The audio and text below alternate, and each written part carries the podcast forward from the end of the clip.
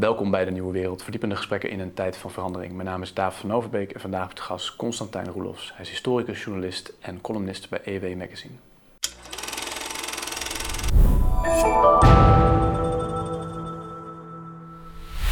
Dag Constantijn, goedemiddag. Goedemiddag. Dag, wij gaan het hebben vandaag over uh, nou, van alles nog wat, maar in ieder geval de politiek. Jij hebt onlangs een column geschreven, zoals je vaker doet bij EW eh, e Magazine, over uh, de verslonzende bestuurscultuur in dit geval. Uh, de verslonsing daarvan. Kun je eens even vertellen voor de kijker die niet gelezen hebben wat, wat je opviel, wat de kern daarvan is? Nou ja, wat, wat, ik, wat ik eigenlijk als een soort van leidend thema steeds vaker zie terugkomen, dat in Nederland steeds minder wordt bestuurd op basis van verantwoordelijkheid die bij gekozen bewindslieden ligt. Mm -hmm. En steeds meer uh, geregeerd wordt op basis van hè, systemen en zoveel mogelijk alles afschuiven naar semi-overheden, bestuurslagen, uh, overlegorganen. Um, en dat dat tot behoorlijk uh, interessante gevolgen leidt voor de burger. Ja, zoals we nu ook veel zien natuurlijk. Ja, ja. ja. en dan, ik denk dat een voorbeeld dicht bij huizen, wat veel in nieuws is geweest de afgelopen tijd, is natuurlijk de, de hele toeslagenbende dat er dus om, om recht te doen aan allerlei politieke wensen, hè, dus de, de VVD wil bijvoorbeeld heel sterke controle op, dat, dat er geen uitfraude wordt gepleegd, het CDA, nou, dat soort rechtse, uh, ja, hoe noem je dat? Uh, een soort wantrouwen jegens, jegens mensen die leven van de staat. Mm -hmm. uh, en aan de andere kant zie je dus juist dat bijvoorbeeld de, de, de linkse pressiegroepen en politieke partijen willen dat er juist zoveel mogelijk verschillende toeslagen voor verschillende groepen achterbannen in die regeling wordt gefietst, waardoor je dus een woud aan complexiteit krijgt. Ja. En dat je dus bijna als burger een soort uh, PhD in uh, formulieren invullen moet hebben om tegenwoordig nog maar een beetje ja. uh, mee te kunnen draaien in het systeem. Ja. En de meeste mensen voor wie die regelingen niet bedoeld zijn, die zijn daartoe natuurlijk ook ja, niet, niet zo goed in staat, want anders zouden ze niet in die regeling zitten.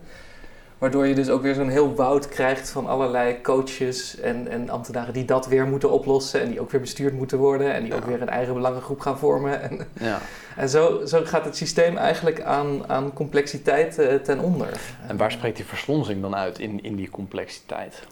Nou, die verslonzing zit, zit een deel ook soort van in het vertrouwen wat mensen erin hebben. Weet je, mensen hebben zoiets van ja, die overheid van ons, alles is kapot, alles is, is werkt maar half. Uh, en het, het werkt ook vaak maar half voor de mensen die, die er gebruik van moeten maken. Mm -hmm. uh, en de verslonzing zit ook, denk ik, voor een deel ook in de efficiëntie daarvan. Kijk, uh, bedoel, we zijn aan de afgelopen, hè, de afgelopen 100 jaar zijn we steeds, van, van, elke euro gaat een steeds groter deel via die overheid, wordt ja. via de overheid uitgegeven. Ja. maar je ziet dat gemeenten en, en uitvoeringsinstanties en zo telkens weer steeds meer in de financiële problemen raken. Dus er is eigenlijk meer geld, alleen de uitvoering ervan uh, wordt steeds slechter. En uh, de jeugdzorg bijvoorbeeld is een goed voorbeeld. Uh, mijn collega Erik Vrijs heeft deze week ook weer een heel groot verhaal over geschreven. Over dat er heel veel geld naartoe gaat. Heel veel geld naar onzin, heel veel geld naar um, ja, allerlei tussenlagen, allerlei management, allerlei consultancy. En dat er eigenlijk de kinderen om wie het zou moeten gaan in de jeugdzorg, dat, dat die steeds vaker tussen wal en schip vallen. Ja. Um, en ik denk ook gewoon ja, een soort publieke verslondering. Hè? Als je kijkt naar hoe uh, schoon bijvoorbeeld de straten waren en, en, en hoe, uh, en, en, als je kijkt naar de hoogtepunt van de verzorgingsstaat, misschien in de jaren 50, jaren 60, um, dat er, dat ook gewoon ook een soort, echt een soort materiële verslonzing in zit. Hmm. Een, een, vervuiling ook. En, uh, ja goed, dat is natuurlijk als, als, als reactionair en conservatief bij EW is het natuurlijk heel fijn om te roepen dat alles achteruit gaat en vroeger alles beter was. Ook heb ik dat natuurlijk hè, als millennial geboortejaar 1989 allemaal niet meegemaakt. Ja. Maar dat is wel een... Alle uh... mooie verhalen van vroeger. ja, ja, ja, ja, precies. Nee, maar goed, je hebt natuurlijk wel um, uit die, ook die verslonsing en dergelijke. Het zit natuurlijk ook in um, dat, dat je een soort systeem krijgt waarin je nou, al, die, al die tussenlagen waar mensen naar elkaar gaan wijzen. Ja. Dus dat, dat inderdaad niemand eigenlijk meer echt de eindverantwoordelijke bijvoorbeeld is. Of ja. iemand echt de, de verantwoordelijkheid draagt voor bepaalde zaken. Maar dat het dan op het systeem wordt afgeschoven of wat dan ook. Ja. En dat is natuurlijk wel een van de tragieken van onder andere de toeslagenaffaire. Dat uiteindelijk het heel, ja, er kan wel een kop rollen ergens op een ministerieel niveau, zeg maar, of een minister moet vertrekken. Maar dat voelt niet, uh, dat is natuurlijk niet de crux. Nee, en ik, ik vind dat ook wel weer tekenend dat dan laatst, hè, dan is die, die toeslagenaffaire, dan komt er weer van alles naar buiten, al die gelekte memo's en al dat soort dingen. Um, en, dan, en dan zegt de overheid eigenlijk van ja, ja, dat is allemaal leuk en aardig en dat is allemaal heel vervelend dat het gebeurt. Maar uh, ja, we kunnen nu nog niet reageren, want er is nu nog een extern onderzoek van uh, PwC, PricewaterhouseCoopers bezig. Terwijl juist dat je, waar, waar, het probleem ontstaat is natuurlijk dus dat er, dat er op, bepaalde politieke wensen wordt er dus een consultancyorganisatie ingevlogen om zo'n nieuw systeem te ontwerpen. Dan loopt mm. dat vast. En dan is de oplossing van dat vastlopen, van die overcomplexiteit en dat overmanagement, is er nog meer management opzetten en nog hm. meer complexiteit aan die situatie toevoegen. Hm. Ehm, en dat, dat zie je dus bijvoorbeeld ook in, in de afwikkeling van heel veel dossiers. Hè. Uh, bijvoorbeeld ook Groningse gaszaak.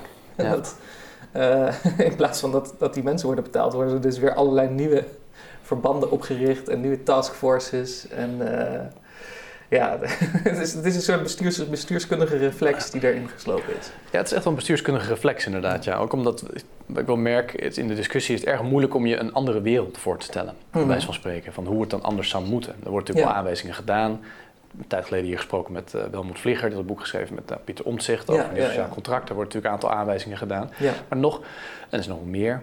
Um, bijvoorbeeld een paar jaar geleden natuurlijk de commissie Remkes heeft heel onderzoek gedaan naar hoe eigenlijk onze, ons hele staatsbestel na 100 jaar, dat was natuurlijk de laatste met de van mhm. der Linden, mm. het grootste, grootste uh, update eigenlijk aan ons uh, stel, parlementair stelsel, dat hij weer een keer toe is aan een vernieuwd parlementair stelsel.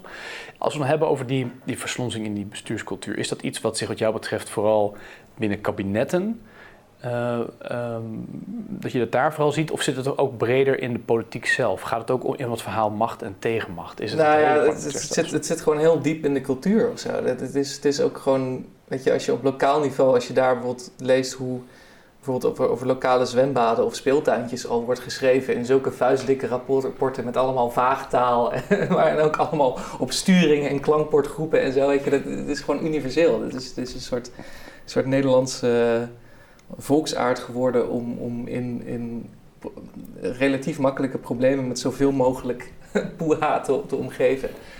Ehm, en ja, ja, we hebben natuurlijk ook gewoon ook een soort, een soort hele uh, professionalisering van die kasten gekregen, omdat we dat ook, ja, we leiden tienduizenden bestuurskundigen, uh, tienduizenden bestuurskundigen en, en massapsychologen en, en communicatiedeskundigen allemaal op om om die, die, die bestuurlijke vaagtaal in, in stand te houden. En, welke, eh, welke kasten bedoel je dan? Nou, gewoon al die, al die semi-hoogopgeleide. Al die, uh, vroeger had je gewoon een vrij simpele universiteit, rechten, medicijnen en natuurwetenschappen, allemaal hartstikke leuk. Maar gewoon de, die, die, die, enorme laag die daarop is gegroeid aan bestuurskundige communicatiewetenschap, al die vage soort van half halfwetenschap, al die, die HBO's met een sticker, zoals ik dat altijd uh, ja, gekscherend noem. Mm. ja, het is vast niet aardig voor de mensen die dat studeren en die dat heel serieus nemen en zo. Maar ehm, ja, we, we, hebben dus, dus, dus eigenlijk een, een, ons, ons mens zijn. Hè, we zitten hier natuurlijk bij de Filosofische Academie. Uh, dat een, eh, het, het, hele idee van wat is recht, wat is rechtvaardigheid, wat is, wat is bestuur, hoe moet je je gedragen, daar hadden we vroeger natuurlijk gewoon een, een paar filosofen voor en de Bijbel. En nu hebben we daar dus echt honderdduizenden. Iedereen wil wat zeggen. Ja, ja. en, en, en eh, dat, dat, dat vakgebied van, van hoe te besturen en hoe te leven, dat wordt steeds meer in een soort pseudo-wetenschappelijke hoek gedrukt door, door, dat, door dat weg te schuiven naar dingen als bestuurskunde en als organisatiewetenschappen. Dat is ook zoiets wat 100 jaar geleden in de tijd van Kort van der Linden nog niet bestond. Maar was het, is, het, is, het, dan misschien ook niet, um, want ik snap, ik snap natuurlijk heel goed wat je bedoelt en je zet het natuurlijk een beetje lekker lekker aan. Uh, dus, um, maar is het ook niet een, reflex waarin inderdaad je, je kan zeggen, al die verschillende microcosmossen, iedereen wil wat in te brengen hebben, iedereen uh, waant zichzelf. Ik bedoel, tijdens corona zat natuurlijk Nederland vol met uh, uh, 17 miljoen virologen, ja, zeg maar. Die zijn nu allemaal weer bondscoach. En nu 17 miljoen bondscoach, dat is wel heel fijn. Ja, dat ja. is prettig. Um, nee, maar daar, je, je, ziet inderdaad daar wel een democratisering in ontstaan. Ja. En daar zit natuurlijk heel veel goede, daar zit natuurlijk heel veel goede elementen in. Ik denk op de, op de keper beschouwd is dat een hele goede ontwikkeling. Ja. Alleen is het een uitdaging voor bestuur, en misschien wat het ook doet met bestuur, is dat het dan meer uh, als je al die stemmen een plek wil geven, of je wil ze op een of andere manier het idee geven dat ze bediend worden of bedienen, dan moet je het meer gaan managen. Je moet ja. die krachten gaan beheersen in plaats van dat je daar nee, een heel erg een ja. vooruitstrevende of een leidende rol misschien in gaat nemen. Nee, dat klopt. En, en dat is natuurlijk ook gewoon de grote uitdaging. Van je krijgt een steeds mondiger, beter opgeleid publiek. Die, die hebben allemaal ook echt wat het recht om wat te zeggen natuurlijk. En, we zien dat natuurlijk ook als een soort democratisch grondrecht om je overal als, eh, om maar even het, lelijke woord van de, de tijd te gebruiken, om je als stakeholder op te stellen. en, en, en daar heb je natuurlijk ook weer allemaal stakeholder management. En het is ja, ook wel logisch dat mensen dat op een gegeven moment gaan professionaliseren en, en beter in willen worden. En, hm. en ook dat je, ja, ik bedoel, ik, heb, ik zei natuurlijk wel een beetje te rente tegen al die bestuurskunde en zo en communicatiewetenschap. Maar het is natuurlijk wel ergens gewoon ook een zuivere wetenschappelijke impuls. Dat je wil onderzoeken hoe dat werkt. Ja. Uh, en dus, dus wat dat betreft is het, is het ook wel logisch dat dat zo is. Alleen uh, um, de vraag is natuurlijk van waar trek je op een gegeven moment een grens en wanneer wordt complexiteit niet meer gezien als een, als een, uh, ja, een probleem, een oplossing. Maar um, misschien is dat, ja, oh, heel fijn. Uh, ook, ook wel een soort, soort aloude discussie die, die zich natuurlijk op een, een breder politiek plan ook altijd afspeelt van hoeveel controle moet je over zaken hebben en hoeveel laat je aan individuele vrijheid en uh, hoeveel, hoeveel zet je vast in regeltjes en hoeveel laat je over aan, aan het initiatief van mensen. En, ja. Uh, en politici die natuurlijk in, in het huidige heel gemediatiseerde landschap constant willen opvallen, moeten opvallen. Eh, de hele politiek die steeds meer om poppetjes draait. Dus ook beloftes ergens moeten doen die niet waargemaakt kunnen worden, bijvoorbeeld. Ik sprak een tijd geleden met Chris Alberts hier, die heeft een boek geschreven over gemeentepolitiek. En ook juist in die beweging van decentralisatie de afgelopen tientallen jaren. Je dus ook ziet dat ja, op gemeentelijk niveau of op uh, provinciaal niveau er veel te veel beloftes worden gedaan. En wat eigenlijk soms helemaal niet binnen de gemeente valt, bijvoorbeeld, maar dat lokale politici daar steeds meer van die beloftes doen. En dat dat mm. Eh, dat past ook wel in dat gemediatiseerde politieke landschap. Uh, waarin je moet opvallen en dat doen. Maar tegelijkertijd schep je daarmee ook verwachtingen misschien. Die inderdaad niet waar worden gemaakt. Dus het is misschien ook de vraag inderdaad naar van wat uh, mogen wij eigenlijk verwachten als mondige burger ja. van een overheid. Als kritische consument. Als kritische als, ja. precies, ben je een kritische consument, dan mag je ook lekker renten. En dan kan je ook misschien nog een keer een schuin backend een brief sturen naar de ombudsman of wat dan ook. Maar ja, dat, dan, dan merk je natuurlijk ook dat die term consument niet de lading dekt inderdaad. Wat het betekent om onderdaan in een land te zijn. Nee, precies. En, en dat is natuurlijk ook waar een, een, een overheid echt wel verschilt van een warenhuis bijvoorbeeld. En, uh, maar je ziet natuurlijk ook dat dat hele commerciële denken en, en dat, dat idee van hip willen zijn uh, in de overheid, dat dat ook, ook een soort verlammende invloed heeft op, op de bestuurlijke effectiviteit. Als, als de hmm. overheid uh, beslissingen gaat maken omdat ze bang zijn als overheid gezien te worden. Uh, dus bijvoorbeeld in die mondkapjesaffaire met uh, Siewert van Linden, bijvoorbeeld dat, dat, er dan, dat het dan kennelijk nodig wordt geacht dat er dus allerlei commerciële tussenpartijen in moeten zitten tussen het inkopen van die, die nood, die, die, die, mondkapjes en dat soort dingen. Hmm. En, heel veelzeggend laatst vond ik ook zo'n zo'n Wouter Bos, die dus dat, dat enorme fonds heeft voor uh, technologische InvestNL. Ja. Um, dat, dat hij dan in zo'n interview met het FD zegt van ja, we willen niet als, uh, als suffe ambtenaren worden gezien als een echte ondernemer, weet je. En dan kijk je naar wat hij dan gedaan heeft en daar wordt hij dan in het FD ook op aangesproken. Van, uh, dat hij dus maar heel weinig van het fonds heeft geïnvesteerd. Wel heel veel mensen heeft aangenomen op vaste contracten. Mm. En dat soort dingen, die dus mm. allemaal heel mooie rapporten hebben geschreven.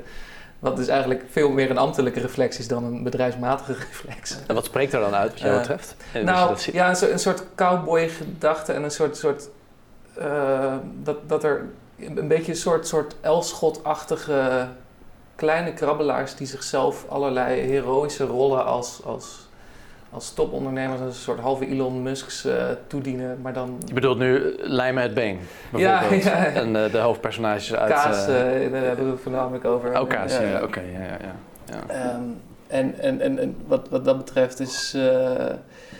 ja, ja ik vind, vind, het dan zo, zo, grappig om te zien dat dan zo iemand in die is dan van leider geweest van de PvdA, wat, wat dan nominaal dus de, de sociale beweging zou moeten zijn, die, die pleit voor een, een herverdeling van het kapitaal van de bezittende klasse naar de arbeider. Hm. Dat die dan een beetje kapitalistje gaat spelen, letterlijk kapitalist, met een grote zak kapitaal. Op, uh, op kosten van de belastingbetaler. En dat ook nog eens heel slecht doet.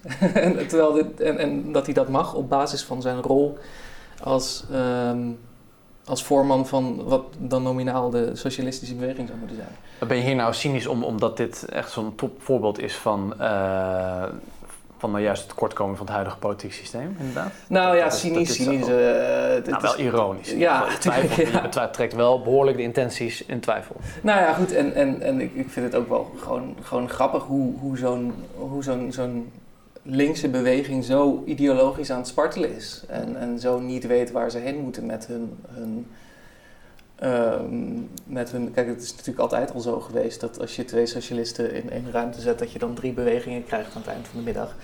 Ehm, maar dat je dus nu nog steeds de, de, de erfenis hebt van de derde weg uit de, jaren negentig. Dus de, de, de, dat, dat, internationaal beetje de Clinton, uh, Blairism in Engeland en hier in Nederland mm. de turn van de PvdA naar de markt. Uh, en, en dus dat, en dat je daar dus nog mee zit. en aan de andere kant natuurlijk dat hele identitaire woke gedoe, dat ook binnen de PvdA natuurlijk een sterke en binnen GroenLinks al helemaal heeft. Um, en dat je aan de andere kant ook wel weer mensen hebt die zich fundamenteel gaan afvragen van... maar moeten we weer niet terug naar gewoon uh, de ouderwetse marxistische analyse van de klassenstrijd en de kapitaalverdeling? Um, maar dat, dat die bewegingen uh, tot op heden gewoon ja, ook weer telkens verzanden in een soort van die, die, dat eindeloze, eindeloze middenveld, dat, dat eindeloze commissietjes en, en, en, en, een beetje baantjes heen en weer schuiven en, en, en externe uh, onderzoeksbureaus. Ja. Dat is dat eindeloze gemodder natuurlijk in het ja. polderlandschap waar je er zelf ook over sprak inderdaad. Ja, de, de ehm, modderende middenlaag. De modderende middenlaag inderdaad, ja. ja. Maar ja, tegelijkertijd de, je zegt het zelf ook al, de weg terug inderdaad naar zo'n groot verhaal, de, gewoon de marxistische ja. klasstrijd, waarin gewoon weer heel duidelijk uh, was wie precies de, de, de good guys en de bad guys zijn. Zeg maar. Die wereld natuurlijk bestaat ook niet meer. Nee, die bestaat ook niet meer. Al was het maar omdat er gewoon heel, veel, heel weinig economische waarde meer wordt toegevoegd in Nederland door mensen die echt zo'n baan hebben waar daar last van hebben. Precies. Überhaupt P van de A, wie, wie identificeert zichzelf nog als arbeider? Ja, precies. Zou ik zeggen, toch? Ik bedoel, het is bijna uh, de, de, de, de VVD-achtige, dat beetje het esprit van uh, ik ben gewoon zelfstandig, een ondernemer. en ook al zijn heel veel mensen die zelfstandig zijn niet echt zelfstandig, er wordt wel wat aan gedaan, maar wie, wie, wie, identificeert zich nog als, als, als, arbeider inderdaad? Dat is toch echt het woord, woord wat uit die, uit die, uit, uit die, uit die tijd komt. Ja, ja, ja, jij hebt natuurlijk bij de SP nog altijd wel van die mensen die weet je, die romantiek uh, weer terug willen brengen. Mm. Ron Meijer, Peter Quinte, dat soort, uh, dat soort types. En, uh, dat is natuurlijk wel mooi, maar goed, het blijft natuurlijk ook een beetje een soort uh, marge, marge fenomeen. maar ja, hebben dus gewoon een heel versplinterd politiek landschap en daarbovenin zit gewoon eigenlijk wat, ja, de, de, de mensen in die modderende middenlaag. Ja. Dat, dat, dat, kunnen net zo goed CDA's of PvdA's of VVD'ers zijn. En, inwisselbaar. natuurlijk, dat is, is vrij inwisselbaar. Ja, dat zie je natuurlijk ook heel erg met ja, bij het CDA, de problemen die er nu zijn. Ja, mm. Dat je eigenlijk denkt, ja, Bobke Hoekstra bijvoorbeeld, is natuurlijk eigenlijk gewoon een VVD'er die per ongeluk bij de CDA... Uh, ja. Die heeft gewoon, op, uh, toen hij op de stoel zat, kreeg hij gewoon de Gryffindor hoed op. Maar had eigenlijk gewoon bij uh, moeten zitten, zeg maar. Daar ging gewoon iets mis. nou ja, goed, ja, maar, maar ook, ook functioneel is, is, is, is hij nou echt heel wezenlijk anders dan zo'n Dijsselbloem of, of zo'n zo'n Wouter Bos in... In, in, zijn minister van Financiën rol. Hè? Dat, en en dat, dat, ik ben niet echt een super politicoloog die dat, of, of, iemand die heel veel van financiën weet en dat precies al die stromingen daarin kan duiden. Hm. Maar als je kijkt naar de manier waarop hij zich opstelt in Europa en de manier waarop ehm, hij zich ook bijvoorbeeld op de borst klopt op dezelfde manier van ja, ik heb wel even KLM gered is een beetje hetzelfde verhaal als van Wouter Bos die zegt van ja, maar ik heb wel even ABN gered. Ja, uh, eh, KLM gered met door ze leningen te geven waar ze niks op hoeven terug te betalen inderdaad. Ja, goed. En, en, en dus ook weer dus, dus, dus precies weer zo'n groot, groot bedrijf of zo'n grote bank of zo'n grote luchtvaartmaatschappij in die, die sfeer van half overheid trekken. Dus dat de overheid mm. wel een heel groot aanmerkelijk belang heeft. Ja. Um, en ook weer zijn eigen mannetjes daarin in kwijt kan. En dat je dus ook die revolving door hebt tussen die uh, die mensen die dus eerst dan in de politiek zitten en dan weer daar aan de slag kunnen bij zo'n zo'n bedrijf.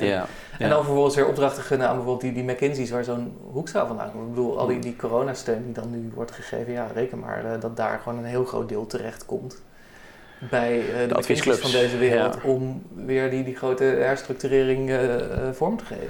Dat maar ja, die wordt natuurlijk ook heel vaak ingevlogen om inderdaad deels de verantwoordelijkheid gewoon te kunnen bufferen. Ja. Dat je inderdaad kan zeggen van, uh, nou ja, we hebben allemaal adviezen ingewonnen en daar blijkt uit.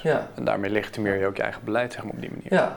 ja, goed, maar dat is natuurlijk ook wel ergens een soort logisch proces. En daarom, dan, wat, wat, waar we het eerder ook over hadden, daarom is het ook zo moeilijk om je voor te stellen hoe je daar onderuit komt. Want als je bijvoorbeeld van de Tweede Kamer zegt van ja, je kan niet alleen maar ambtenaren ambtenaren laten keuren, want dan is de slager die zijn eigen vlees keurt. Dus je moet af en toe ook gewoon een externe partij ernaar laten Precies, kijken. Ja. En, en dus ook weer alle stakeholders meenemen. Dus, dus ja, en, en het is natuurlijk altijd zo, denk ik, in ieder geval met, met bureaucratieën, dat En, en systemen dat ze, dat ze nooit echt, echt heel veel stapjes terug doen of zoiets. Dus ik, ik, kan, Hmm. ik kan me maar weinig ehm, herinner- ja, historische voorbeelden herinneren van, van dit soort systemen die, die vrijwillig controle eh, weer afgeven of, of, of kleiner worden of dat Ja. soort dingen. Dat is, eh, Heeft het ook niet... ehm, kijk, als ik naar je luister, dan krijg ik het idee dat de scheidslijnen... hebben natuurlijk een paar keer links en rechts hoor je... maar dat, vaak je natuurlijk ook, ja, weet je wel, links en rechts... wat betekent dat nog? Wat betekent nog om inderdaad... drie middenpartijen lijken ook zoveel Ja. op elkaar tegenwoordig. Maar loopt die scheidslijn misschien ook niet meer tussen... ehm, mm, ik bedoel, je, je fulmineerde ook al eh, flink natuurlijk in het begin eventjes op de, de, de sticker HBO's. Maar eh, kijk, ik snap wel, want je snapt je sentiment wel ergens. Dat je denkt van, er zijn natuurlijk veel meer hoger opgeleiden nu dan ooit. Eh, heeft het misschien ook niet daarmee te maken dat het met een bepaalde, die bestuurscultuur ook steeds meer bepaald wordt door een, be- een manier van denken die je aangeleerd krijgt als hoogopgeleide. ja, absoluut. Ja, ja. Wat ik ook om me heen zie natuurlijk, veel Ja. vrienden van mij, ja, je zit natuurlijk gewoon in een hoogopgeleide bubbel. Ja. Maar je bent tegelijkertijd, ehm, je, bent, je groeit op. Je gaat naar het gymnasium of naar het ateneum, wat ook. Je gaat naar de universiteit.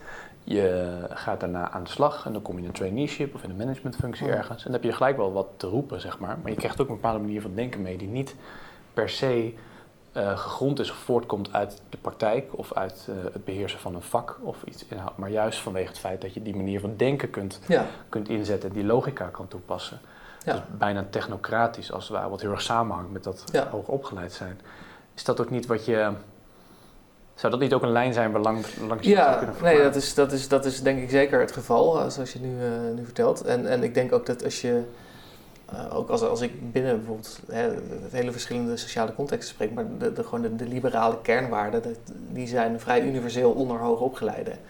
Ja. Ehm, En vroeger was het natuurlijk de tegenmacht tegen die liberale technocratie. Die rationele liberale technocratie was, was zeg maar de conservatieven die een soort van voorstatelijke structuren tegenover de staat, de, de kerk en het gezin en, en allemaal dat soort dingen, die, eh, die daar de belangen van verdedigen. Ehm, en dan had je natuurlijk de, de socialisten die gewoon een radicale herverdeling wilden. Mhm. Maar nu zie je dat die tegenmachten, ja kijk, die voorstatelijkheid van die conservatieve beweging hing natuurlijk altijd op dat religieuze en op dat gezin. En als je in een sociaal wat meer geatomiseerde context zit, waar mensen gewoon niet meer zo in familieclans leven, en Ja. vaak ook hoog opgeleide, ook steeds minder en steeds later trouwen, steeds minder kinderen hebben, steeds meer scheiden ook. Ja. Dan heb je dat allemaal niet, die tegenmacht is niet. En de ontkerkeling natuurlijk, want ja, niemand, ja, het georganiseerde kerkelijke leven, dat is, dat is miniem natuurlijk. Ja. Ehm, en als die sociaal, die, die, die, die meer linkse kant ook geen arbeiders meer heeft om, om de, de macht mee te grijpen, dan is het, het liberalisme gewoon, weet je, gewoon universeel. En, en dan merk je dus bij een Tweede Kamerverkiezing dat je dan niet kan kiezen tussen verschillende politieke stromingen, maar gewoon tussen zes accenten op die liberale basiswaarden. ja. Ehm, dus dat je gewoon de VVD hebt voor de, de, de vanillesmaak en dan zeg maar de, de oorspronkelijke liberalisme. En dat je dus, dus eh, D66 wat ze dan sociaal-liberaal noemt. De GroenLinks is natuurlijk gewoon maatschappelijk is het, is het een vrij liberale partij. En nog wat groener. Eh, en het CDA dan iets wat meer gezin en ondernemen, maar verder niet. Eh, dus, dus dat je daarmee echt een soort, soort bandbreedte hebt waar, waarin je kan opereren. Die, die toch wel wat nauwer is dan vroeger. Mhm. En ik denk eigenlijk dat, dat als je dan echt even helemaal breed kijkt eh, naar, naar waar komt de democratie vandaan.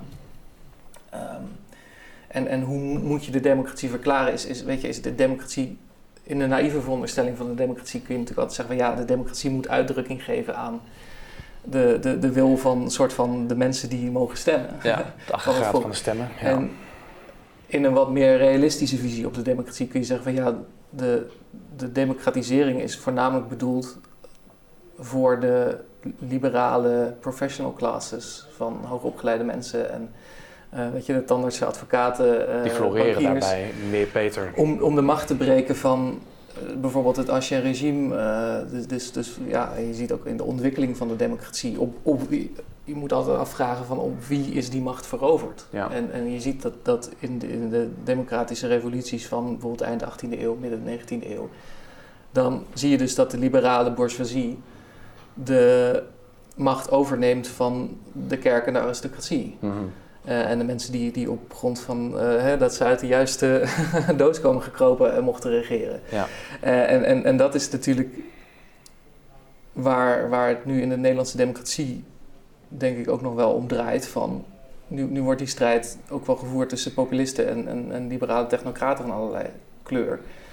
Ehm, precies om die vraag van voor wie is die democratie nou? Is die voor, voor, voor, voor het populus, is het voor het volk? Of is het, is het, voor, is het voor de, uh, ja, de, de, de mensen die, uh, die netjes hebben doorgeleerd naar de HAVO en, um, en, en, en zich keurig uh, ergens als manager of als tandarts en, en, die zich in een vrije tijd tegen, tegen bestuur aan bemoeien. Ja, gewoon de behoor, die mensen zichzelf als behoorlijke mensen zien, zeg maar. Ja, dat, ja. En, en, ja. en bedoel, natuurlijk heb, merk ik bij mezelf ook wel die reflex dat ik als, als nou ja, zeg maar schoolvoorbeeld van afkomstig uit die stand Um, uh, de, de, liberale bourgeoisie die uit een keurig uh, goddeloos gymnasium komt en uh, netjes zijn studie heeft afgemaakt. Ja. En, dat ik ook denk van ja, moet ik de teugels in de samenleving aan andere mensen geven? Waarom?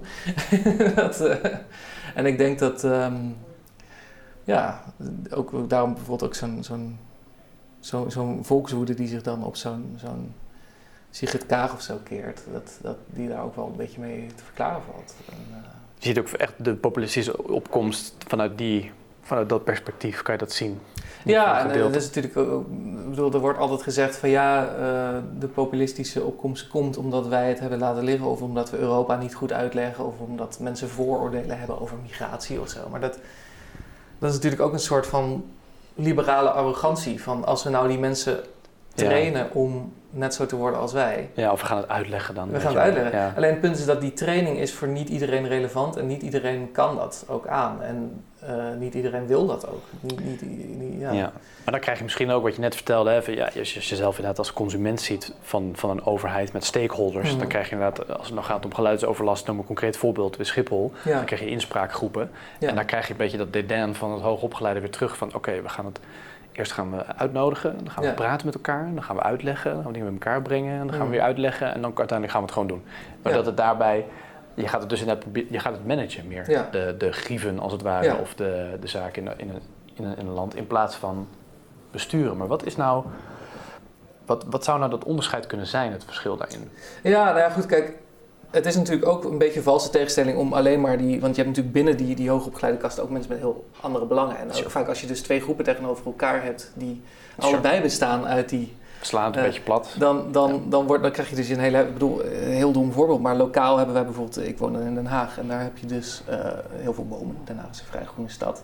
En je hebt een gemeente die wil vaak bomen kappen. Want, uh, nou, in de weg voor ja, 5 masten hè? Ja, ja, precies. En, en dan moeten er gewoon wegen aangelegd worden. En ja, ja. schoenbeheer en dat soort dingen. Ja. Maar die, die boze boomers die willen natuurlijk niet dat hun boom verdwijnt. En dus dan heb je bijvoorbeeld zo'n groep van allemaal gepensioneerde advocaten. En die hebben allemaal bij hele eh, goede kantoren gewerkt of eh, hoog bij de overheid. Dus ja, die weten precies weten hoe dat systeem werkt. te vinden. Weet je, en die, die, gaan dan, die, gaan, en die, die hebben dan ook gewoon alle tijd en alle middelen om dat te doen. En die kunnen dan gewoon over vijf bomen procederen tot aan de Hoge Raad. Ja, en het kost ook geen, geen moeite, want ze weten gewoon hoe het werkt. Ja, precies. En, uh, dus, dus wat dat betreft is, is de manier naar bestuurlijke verandering in Nederland vaak gewoon zorgen van... kan ik me aansluiten ergens bij uh, een, een, groep met een tegenovergesteld belang, maar waar wel mensen in zitten die dat systeem begrijpen. Ja. Jij in een andere column um, heel mooi vond, zeg jij, eh, geef je een soort een drie. Je zegt een overheid zou meer duurzamer, simpeler en eleganter moeten zijn.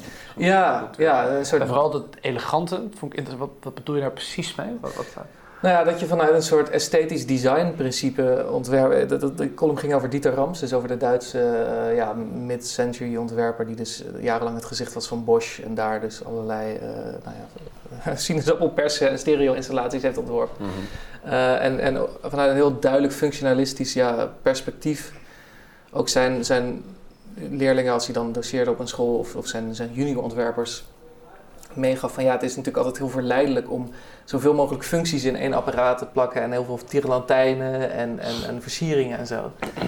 Um, maar in essentie moet je je altijd richten van doet het wat het moet doen en is het binnen twee seconden door de gebruiker te, te snappen hm.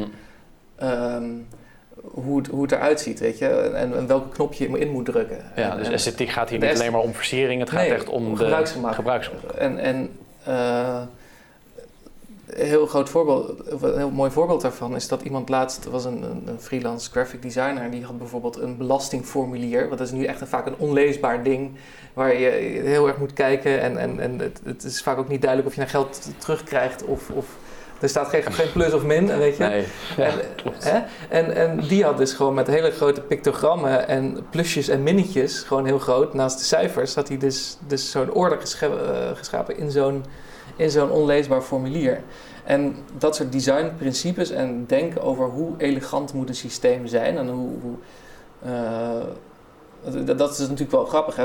je ziet dus dat in onze dagelijkse cultuur wordt hè, dat functionele, strakke design, dat is in, in, in bruggen, gebouwen, telefoons en zo, uh, is, dat, is dat best wel al doorgevoerd. En, en, en mensen, uh, ja, bijvoorbeeld zo'n zo'n Apple is, is puur op die designprincipes een wereldmerk geworden. Ja, er wordt natuurlijk vaak gezegd van in, in de publieke uh, zaak, in de overheid, daar kan dat niet, want ehm, er wordt toch een beetje heel schamper over gedaan. Nou ja. Over de kwaliteit van, van, van, ja, doen mensen het echt inderdaad daar om, of zitten ze er een beetje, het cliché van de, de tegen de verwarming aanleunende ambtenaren, zeg maar. Ja, precies. Maar, maar dat wordt natuurlijk ook altijd eindeloos door vergaderen uh, en, en, en, en, dat soort dingen. En stakeholder management wordt, wordt ontwerp van systemen wordt altijd enorm complex. Want iedereen probeert zijn eigen stokpaardjes te fietsen. Ja. Vooral als je een soort van mensen beloont op het infietsen van stokpaardjes, dan ontstaat er al gauw chaos. Ik bedoel, en een klein voorbeeldje hier van de Universiteit Leiden. Um, hadden ze voor 10 miljoen een nieuw studentadministratiesysteem waar je tentamencijfers in kon doen. Mm. Nou, dat was toen een soort van, dat had heel veel gekost, jarenlange vertraging, uh, onrust in bestuur. En het was allemaal, allemaal, allemaal drama. Uh, en toen was het systeem er eindelijk. En toen konden studenten gewoon hun weg niet vinden in het systeem. Omdat gewoon de user interface was gewoon zo slecht geschreven. En toen ja. heeft gewoon één jonge uh, student van, de, van de medicijnenfaculteit die heeft toen een user interface gewoon in een paar middagen op zijn studentenkamertje geschreven. Waarmee de functionaliteit van het systeem van 10 miljoen, zeg maar, wat dus eindeloos over vergaderd is met een groot softwarebedrijf. Die, ja, en die, grote softwarebedrijven zien natuurlijk dit soort overheidspartijen ook gewoon als, als pinautomaat. Weet je, elke keer als ze daarmee vergaderen, dan, dan loopt het metertje. uh, en, en dat gewoon zo één zo'n zo'n student die gewoon een beetje uit hobby zo'n, ook zichzelf een beetje heeft leren programmeren, dat hij dan zo'n systeem van 10 miljoen wel vlot weet te trekken. Maar, mm. Dus zo'n zo'n proces van 10 miljoen, dus, dus ja, gebed zonder end was. Dat vind ik dus een heel groot voorbeeld van hoe in Nederland ook, wat, er is gewoon geen enkel groot ICT-project bij de overheid bijvoorbeeld, is, is goed gegaan de afgelopen, door de, de, vervanging van de meldsystemen bij de politie. Ja, of DigiD, e-herkenning, uh, alle ja. dingen, ja. Zoals nu, wat je nu met de corona-aanvragen daar met e-herkenning, wat dan weer speelt, dat bedrijven, het zo eenvoudig is om te frauderen met aanvragen. Voor, voor en dat, dat er nu ook wordt gezegd, um, nou ja, we hebben niet eens de mankracht inderdaad bij de field of waar dan ook om al die uh, fraude dingen op te zoeken. Dus we moeten maar gewoon een soort moreel appel doen en we gaan een aantal zaken eruit kiezen. Maar we nemen maar voor lief dat er ook uh, misbruik van is gemaakt. Ja, dat soort dingen. Um, ontstaat hier, dient zich hier ook niet een beetje een paradox aan um, dat eigenlijk door uh, al die microcosmossen, al die stemmen die zich roeren, democratiseringsontwikkeling, mm. daarmee ook een bepaalde nou ja, dit is, dit is natuurlijk eigenlijk een soort koren op jouw molen als, als rechtgeaarde reactionair. Maar dat, dat daardoor een soort middelmatigheid ontstaat ook. Omdat al die stemmen gehoord moeten worden, waardoor, wat die juist dus ja. haak staat op, op, op een, een bepaalde excellentie die we misschien meer verwachten juist van de overheid in deze tijd. Ja, weet je, mensen die, die het geduld niet hebben om twee uur lang in een vergadering te zitten met, met een paar boomers die het echt niet snappen, maar die toch een zegje willen doen. Die gaan in Nederland niet voor de overheid werken of die gaan in Nederland niet in de politiek werken. Uh, en, en alleen als je dus zitvlees hebt en heel veel geduld voor, voor bullshit termen, dan, dan kun je in Nederland uh, uh, nog meedoen met het openbaar bestuur. Want ja, uh, en ik bedoel, ik heb ook wel eens zo'n zo'n zo hele. Mensen die, die bijvoorbeeld vrij slim zijn en, en bijvoorbeeld voor een overheidsinstelling komen te werken. Dan komen ze daar weer in allemaal dat ze dan in de hijsessies met, met Duplo-blokjes over zichzelf moeten gaan vertellen. Ja, ja. Die, die, die infantilisering. Pinda's branden, kumbaya. Ja, ja precies. En, en, je wordt gewoon in Nederland word je, word je geïnfantiliseerd als je meedoet met dat soort dingen. Uh, en je moet gewoon heel veel geduld hebben voor onzin. En, en dus, dus, dus het, het, systeem beloont mensen die. Uh, en dat is eigenlijk net een beetje, ja, klinkt misschien een beetje uh, overdreven, maar.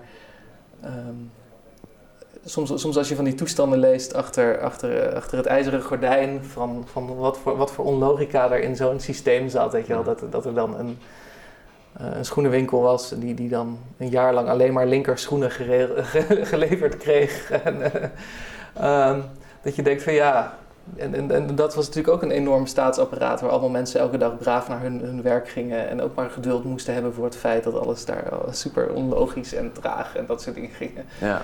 En, uh, en ik, ik weet niet of de, de snelste paardjes van de stal ook daadwerkelijk in, um, in zo'n systeem mee zouden kunnen draaien. En, mm. uh, en, en ik, ik denk, ja, van de andere kant is dat, is dat erg. Kijk, er is natuurlijk ook gewoon in Nederland heel veel ruimte om je te ontplooien als wat dan ook. Kijk, Nederland heeft natuurlijk gewoon voor zowel ondernemers als mensen die intellectueel bezig zijn of zo. Weet je, alles is hier wel echt op. Alles prima gefixt. We kunnen wel, wel klagen natuurlijk en, en, en, en, mopperen. En dat is natuurlijk ook wel gewoon wat ik voor mijn werk doe als columnist. Ja. Alleen als je gewoon besluit van, hè, weet je, ik, ik, wil een leuke app gaan bouwen of zo. Kijk, je kan hier voor relatief weinig geld onwijs goede opleidingen volgen. Er is het, het kapitaal gewoon überhaupt hoeveel geld er in Nederland omgaat aan investering. Zowel publiek geld als privaat geld. Als, ja, je hoeft maar aan de boom te schudden en het is er wel gewoon. En ehm, zeker als je dat vergelijkt met andere landen of andere perioden in de geschiedenis, uh, dan, dan is het natuurlijk ongekend. En, en wat Nederland natuurlijk ook voor, weet je, bijvoorbeeld voor internationale techbedrijven ook gewoon best wel aantrekkelijk maakt, is dat hier gewoon alles best wel dicht bij elkaar ligt. En, uh, maar ja, je hebt natuurlijk wel, ik snap wat je bedoelt natuurlijk, hè. er is heel veel mogelijk in Nederland, maar wat de tragiek van die toeslagenaffaire is nou bijvoorbeeld dat het juist dat systeem zelf inderdaad mensen veroordeelt en ze daar ook jarenlang mee lastigvalt en jarenlang ook misschien trauma's aanjaagt, omdat ze inderdaad als dus inderdaad op die manier in het boek staan. Dus dat een falende overheid is niet alleen maar iets van, ah, weet je wel, nou ja, het is ook een soort esthetisch fenomeen. Dat hebben we ook nog. Ja, Het is niet, je kan je niet helemaal aan onttrekken, want het gebeurt wel en beïnvloedt en vernietigt ook gewoon mensenlevens. Ja, absoluut. En, en de hardheid waarmee de overheid aan de onderkant van de markt opereert en de zachtheid waarmee aan de bovenkant wordt, uh, bij de Belastingdienst wordt, uh, wordt omgegaan, dat, dat steekt en dat, dat schuurt en dat is, dat is bijzonder onrechtvaardig. En ik denk dat het vertrouwen in de staat staat of valt met de belastingmoraal ook en met, met de, het vertrouwen in de Belastingdienst. Ja. Uh, en als je dus een belastingdienst hebt waar je als een Starbucks of als een Shell aan kan kloppen en zegt van ik wil geen belasting betalen. En dat de overheid zegt oké, ja, dan hebben we hier een ruling voor je. Ja. Maar dat als je als uh, arme bijstandsmoeder uh, met, met, die, die, die, met de pak check op de bank zit, elke week weer moet bewijzen dat ze echt zielig is en waar de inspecteur op de deur staat om ja. de tandenborstels te stellen. van je moeder gekregen van je vriendin? Ja, dat, dat was, dat was echt het meest idiote geval van, weet je, dat, dat je... Kijk, en als je als, als persoon met weinig geld, geld eten krijgt van je familie, dat is het meest menselijke wat er is. Ik bedoel, er zijn hier ook miljoenen studenten, of uh, nou, miljoenen, maar gewoon toch duizenden studenten hier in Leiden. Waarom zei ik miljoenen? Ja, geen miljoenen, duizenden. Duizenden studenten hier in Leiden die gewoon elk weekend naar hun ouders gaan om uh, met pakken koffie en... Uh, en ja, ja. Allemaal in de rolkoffers weer terug. precies, en dat mama even de was doet. En dat dat als, als student, hè, dus als je als deel mag worden van die liberale elite dat, dat het dan gewoon geaccepteerd gedrag is. Maar als je als bijstandmoeder uh, af en toe je boodschap laat uh, voorschieten door een, een familielid wat wel uh, gewoon aan het economisch verkeer meedoet, dat je dan als crimineel wordt gezien. Dat, is, dat is echt onverteerbaar. Ja. En dat is, dat is denk ik ook waarom zo'n omzicht of zo, of zo'n zo'n zo, zo iemand die een, een nieuw sociaal contract. Um, dat die gewoon heel goed in de gaten hebben dat daar, dat dat punten zijn waar het sociaal contract gewoon compleet opgebroken Precies, is. die draait er misschien ook om expliciet. Die doet een appel om dat om te draaien, dat hard zacht aan de bovenkant, hard aan de onderkant. Ja, dus ja, uh, wat je nu natuurlijk met, misschien met Siewert van der Linden, nou, wat, wat, daar precies moreel scheef gaat, is dat voor mensen uit de eigen kasten die erbij horen, die komen hier dus mee weg. Maar als je inderdaad voor tientjes uh, fraudeert of verkeerd aangeeft ja, belastingaangifte, dan word je gelijk uh, aan alle kanten word je gepakt. Ja, dus... Um, ja, dat zit er wel heel sterk in. Doe, kijk, eh, die, die, die vent dan die uh, dit weekend uit zijn huis had gezet omdat hij één wietplant had. dus dat, dat één wietplant in Nederland nu een grotere misdaad is dan 9 miljoen jatten onder vals voorwensen. Ja, dat, is wel dat is een beetje raar. Laten we daarmee afsluiten. Heel dat mooi. Hard, uh, hard aan de onderkant, zacht aan de bovenkant. Dat is waar dat, uh, sche de scheve schaats gereden wordt in, in Nederland op dit moment. Dankjewel, Constantijn.